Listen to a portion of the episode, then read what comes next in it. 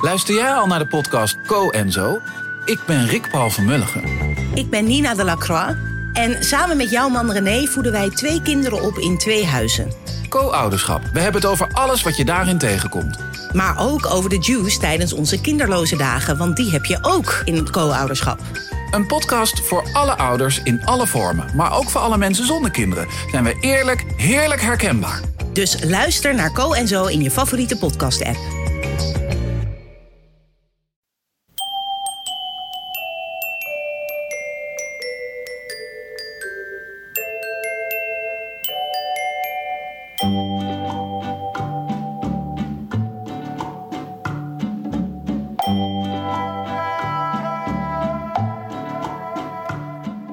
Welkom bij aflevering 68 van de Echt Gebeurd podcast, die tot stand komt met hulp van het Mediafonds.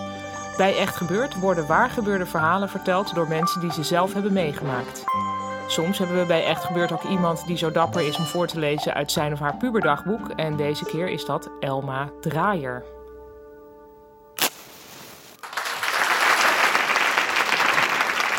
Ik begon op, uh, met mijn dagboeken op mijn elfde verjaardag. En ik heb dat volgehouden tot gisteravond. Dus dat zijn toch al zo'n 43 jaar. Um, mijn eerste fragment uh, stamt uit 1973. Ik ben dan 15 jaar. Ik woon in Hilversum. Ik ben de middelste van zeven kinderen. Er zijn inmiddels twee het huis uit. ik zit in 4 Alpha vierde van het gymnasium. En ik ben als een echte domineesdochter... Uh, doe ik alles wat God heeft verboden. En ook wat mijn vader heeft verboden trouwens. Dus dat is veel roken, veel drinken, veel blowen... en heel veel gesodemieten met vriendjes. Het vriendje dat uh, hier een rol in speelt, die heet Ronald. En die was al 18. En nu is hij een gerespecteerd... Nou ja, laat maar zitten. Goed. Um, donderdagmorgen 17 mei 1973. Ik moet even mijn bril opzetten hoor, want ik ben geen 15 meer. Advies. Vrij nimmer met iemand die griep heeft. Geheid dat je de volgende dag ook met griep in bed ligt. Als ik Ronald in mijn handen krijg, mag ik hem lekker fijn knijpen. Heerlijk. Ik vind het eigenlijk best lekker, een beetje ziek. Gisteren baalde ik ervan, maar nu vind ik het lekker. Alles is veel voor wie niet veel verwacht. Het leven houdt zijn wonderen verborgen tot het ze opeens toont in hun hoge staat. En de rest ken ik ook uit mijn kop. Sonetten uit je kop leren heb je toch ook een tik. Mijn schatjes hebben nu geschiedenis en straks nog Duits, de zieltjes. Oh, ik ben toch zo ontzettend gelukkig de laatste tijd. En dit is zo ontzettend gemeend. Liefde is de levenswet. Harriet Roland Holst. En zolang je dat niet ziet, en geluk is lachen door je tranen heen. En zolang je dat ook niet ziet. Ik kan trouwens geweldig open deuren intrappen. En dat is een kunst volgens Ronald. Ik zei tegen hem: griep is besmettelijk en ongesteld zijn niet. Verdomd slimme opmerking. Oh, en wat heb ik toch een lol. Ik maak me helemaal geen zorgen over morgen. Hallo, het is nu avond, eventjes over tien. Ronald is vanmiddag nog op ziekenbezoek geweest. En Leto, onze hond, die mag hem niet, want ze sprong tegen hem op en toen liet hij een glas kletteren. We hebben heerlijk gebabbeld. En nu waren we erg verstandig, anders neemt hij het weer over. Hij had toch zo'n prachtig zwart jasje aan. En die prachtige lulverhaaltjes over zijn zogenaamd actieve staatsgevaarlijke periode. Ik had zo'n zeikstenseltje gehad van een demonstratie of zo. En dan moet ik helemaal tegenover hem motiveren waarom ik het gelul vind. Weet je wel wie je voor je hebt, zegt hij dan. Hij wil later samenwonen met iemand die zo ultra links is dat ze, als hij zegt dat en dat staat op bladzij zoveel en zoveel bij Marx, dat zij dan zegt fout, het staat een bladzij verder. nou, nou, hij zoekt maar zo'n rechtlijnige trut op, hoor. Ik vind het al lang goed. En toch en toch en toch is hij verdomde lief... en heeft hij een bepaald soort tenenkrullende charme... dat staat voor mij in elk geval zo vast, als een rots. Voor één ding ben ik wel een beetje bang... namelijk dat papa en ook wel mama gaan zitten zeiken. Papa begon al vandaag met... ik dacht dat je je daar niet meer zo mee bezig hield... Oké, pap, ik zal het leuk houden en nu ga ik slapen. En dan is het hier drie weken later. En ik ben met mijn drie jongste broers en zusje uh, en mijn ouders op vakantie in Limburg. En het zal de laatste keer zijn dat ik met mijn ouders op vakantie ga. Oud-Valkenburg, zaterdagavond 16 juni 1973. Gosje, wat heb ik een gevoel van heimwee in mijn buik. Ik verlang naar mijn eigen kamertje en naar mijn vrienden. En ik verlang naar Hilversum en ik verlang naar Ronald. Boah, ik kan wel tegen het plafond vliegen.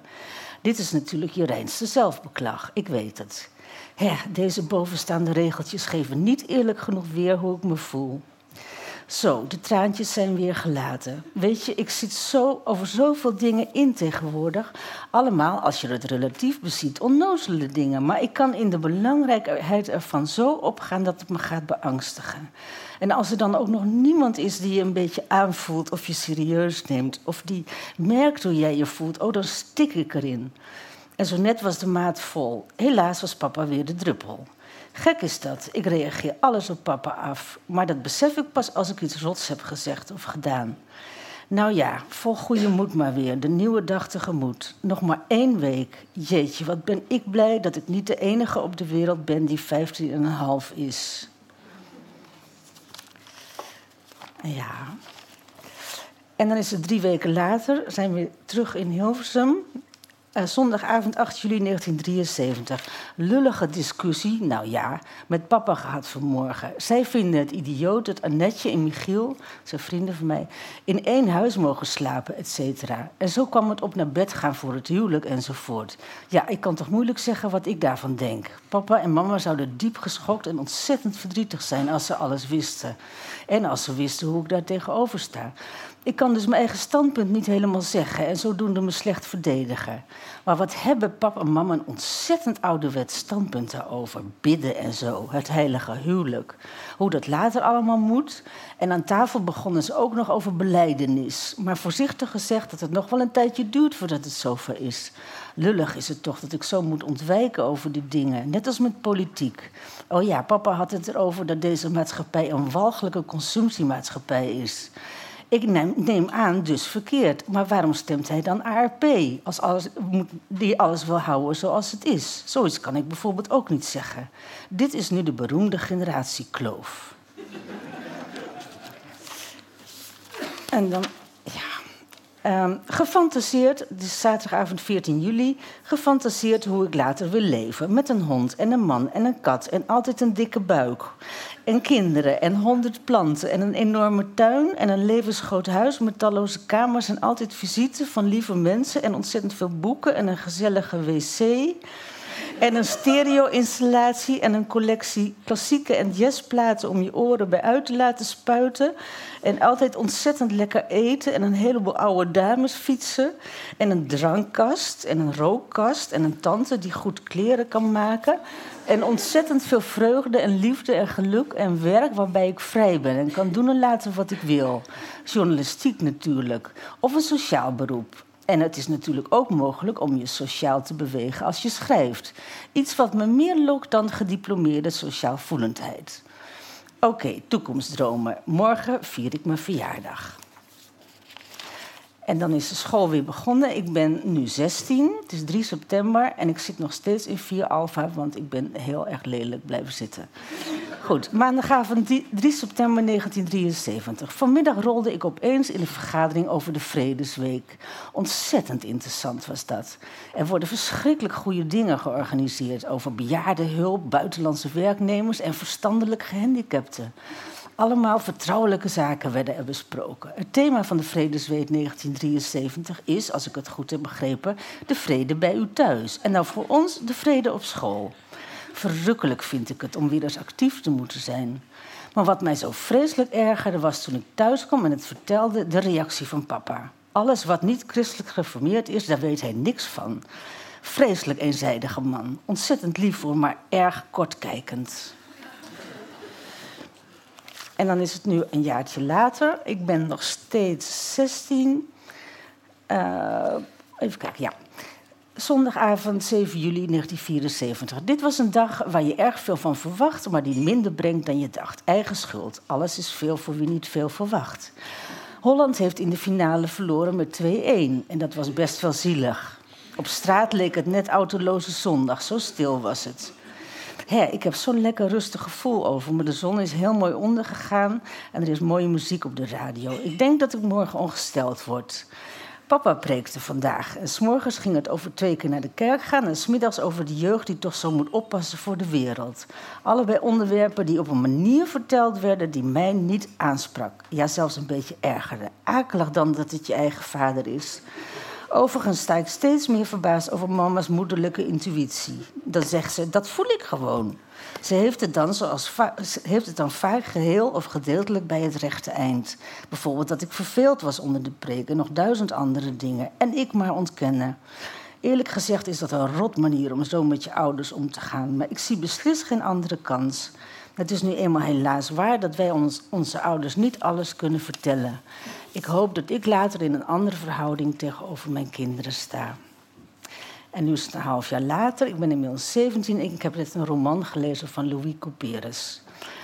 Ik ben tot de conclusie gekomen dat ik te laat ben geboren. Ik had als prinses geboren moeten worden. Of iets anders beroemds of rijks. En dan had er een knappe lange prins om mijn hand moeten dingen, compleet met maneschijn, lente en rijtoeren door de landgoederen en een knikken naar de eenvoudige boeren die ik op kerstavond een mandje eten ging brengen. En met wals en andere dansen in schitterende balzalen en overdag paardrijden en schilderen en muzieklezen nemen en talen leren. Maar nee hoor, ik heet Elma Draaier. En ik zit in een blauwe spijkerbroek en een zwart vestje op een eenvoudig zolderkamertje midden in de winter in een klein pestdorpje in een regenachtig rotlandje. Geen officieren en prinsen, maar eenvoudige pubertjes met jeugdpuist en pluisjes in hun navel. Die het hebben over wereldproblemen of ze er alles van afweten. En die zo boertig zijn dat ze je niet eens meer thuisbrengen s'avonds, tenzij je erom vraagt. En die je nooit een handkus geven, maar gelijk maar een hele dikke op je mond. Zodat uitkomt. En het komt altijd uit. En die geloof ik nooit van charme, een bad nemen, galant zijn, haar wassen en mooie kleren aandoen en cadeautjes meebrengen hebben gehoord. Of rode rozen sturen en gedichten maken op, je, op hun geliefde. Nou ja, hetzelfde is gebleven dat ze vroeger al dagboeken schreven en ik nu ook. En mijn nageslacht, die dit over jaren probeert te ontcijferen, zal juist deze tijd weer heel erg interessant vinden. Althans, dat denk ik later. Eigenlijk zat ik zo net ontzettend te lullen, want alleen de vrouwen in de hoogste klasse werden vroeger zo behandeld. Ik heb vandaag een artikel gelezen voor geschiedenis over de rol van de vrouw in de arbeids- en middenklasse uit die tijd. Nou ja, en dan kun je wel grienen, zo erg. En dan hebben wij het nu maar goed. Maar toch, ik ben wel zo ongeëmancipeerd dat ik me nog altijd ontzettend vrouwelijk voel als mensen naar me kijken, mannen naar me kijken, sorry. Of me complimentjes maken. Of als ik werkelijk galant word behandeld. Dat vind ik zalig. En dat zal altijd wel zo blijven. Ik kan er volgens mij nog net eentje doen. Um, ik heb nog niet verteld dat mijn Dick, dat is een van mijn jongere broertjes, vorige week vrijdag onder de wekelijkse drag van patat eten een stuk uit zijn tand is geslagen door G, dat is een oudere broer. G duwde hem namelijk voorover in de appelmoes, maar zoals altijd kende hij zijn eigen krachtvirus niet zodat Dick met zijn smoel op het bord klapte, onder de appelmoes zat en vreselijk jankte en een stuk tand uit voor zijn leven kwijtraakte. Maar we hebben hem getroost door te zeggen dat hij zo makkelijk opspoorbaar is door Interpol als hij kwijt is. En dat er later vast een meisje verliefd wordt op de charme van een stukje uit zijn tand. Het is echt ook een schattig gezicht. En het is nu al zo'n mooie jongen. Maar dat mag ik niet zeggen van Eve, dat is een vriendje. Want het is zielig voor een jongen. En Everhard kan het weten, want die doet aan karate. Hans, is, Hans, broertje, is ook mooi om te zien hoor. En al erg lang, net zo lang als ik. Dat is 1,74 meter.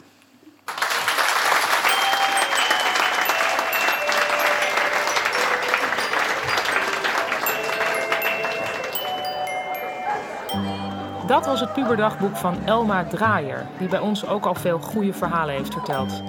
Dat ze kan schrijven merk je aan haar dagboek, maar dat kun je ook wekelijks lezen in Vrij Nederland en in Trouw, waar ze columnist is. Echt gebeurd wordt iedere derde zondag van de maand opgenomen in Toemler onder het Hilton Hotel in Amsterdam. Heb je zelf een bijzonder verhaal te vertellen of wil je er gewoon een keertje bij zijn als er waar gebeurde verhalen worden verteld? Ga dan naar echtgebeurd.net. Daar kun je je ook opgeven voor onze nieuwsbrief. En bovendien is Echt Gebeurd ook te vinden op Facebook en Twitter. De redactie van Echt Gebeurd bestaat uit Eva Maria Staal, Micha Wertheim en mijzelf, Paulien Cornelissen. De productie wordt gedaan door Rosa van Toledo en de techniek door Nicolaas Vrijman. Echt Gebeurd komt tot stand met dank aan Comedy Train en met steun van het Mediafonds. Kijk voor veel meer mooie audio op de nieuwe website woord.nl, waar deze podcast ook op verschijnt. Dit was de 68e aflevering van de Echt Gebeurd podcast. Voor wie iemand anders een verzameling mooie verhalen cadeau wil doen, er is inmiddels een tweede luisterboek van Echt Gebeurd en het thema daarvan is Op reis. Te kopen in de betere boekhandel en trouwens ook in Toemler bij een Echt Gebeurd middag. De eerstvolgende is op 20 april en het thema is dan, hou je vast, borsten. Borsten. Bedankt voor het luisteren en tot de volgende podcast. En vergeet niet, vrij nooit met iemand die griep heeft. Tenzij hij in zijn actieve staatsgevaarlijke periode zit, dan kan het weer wel.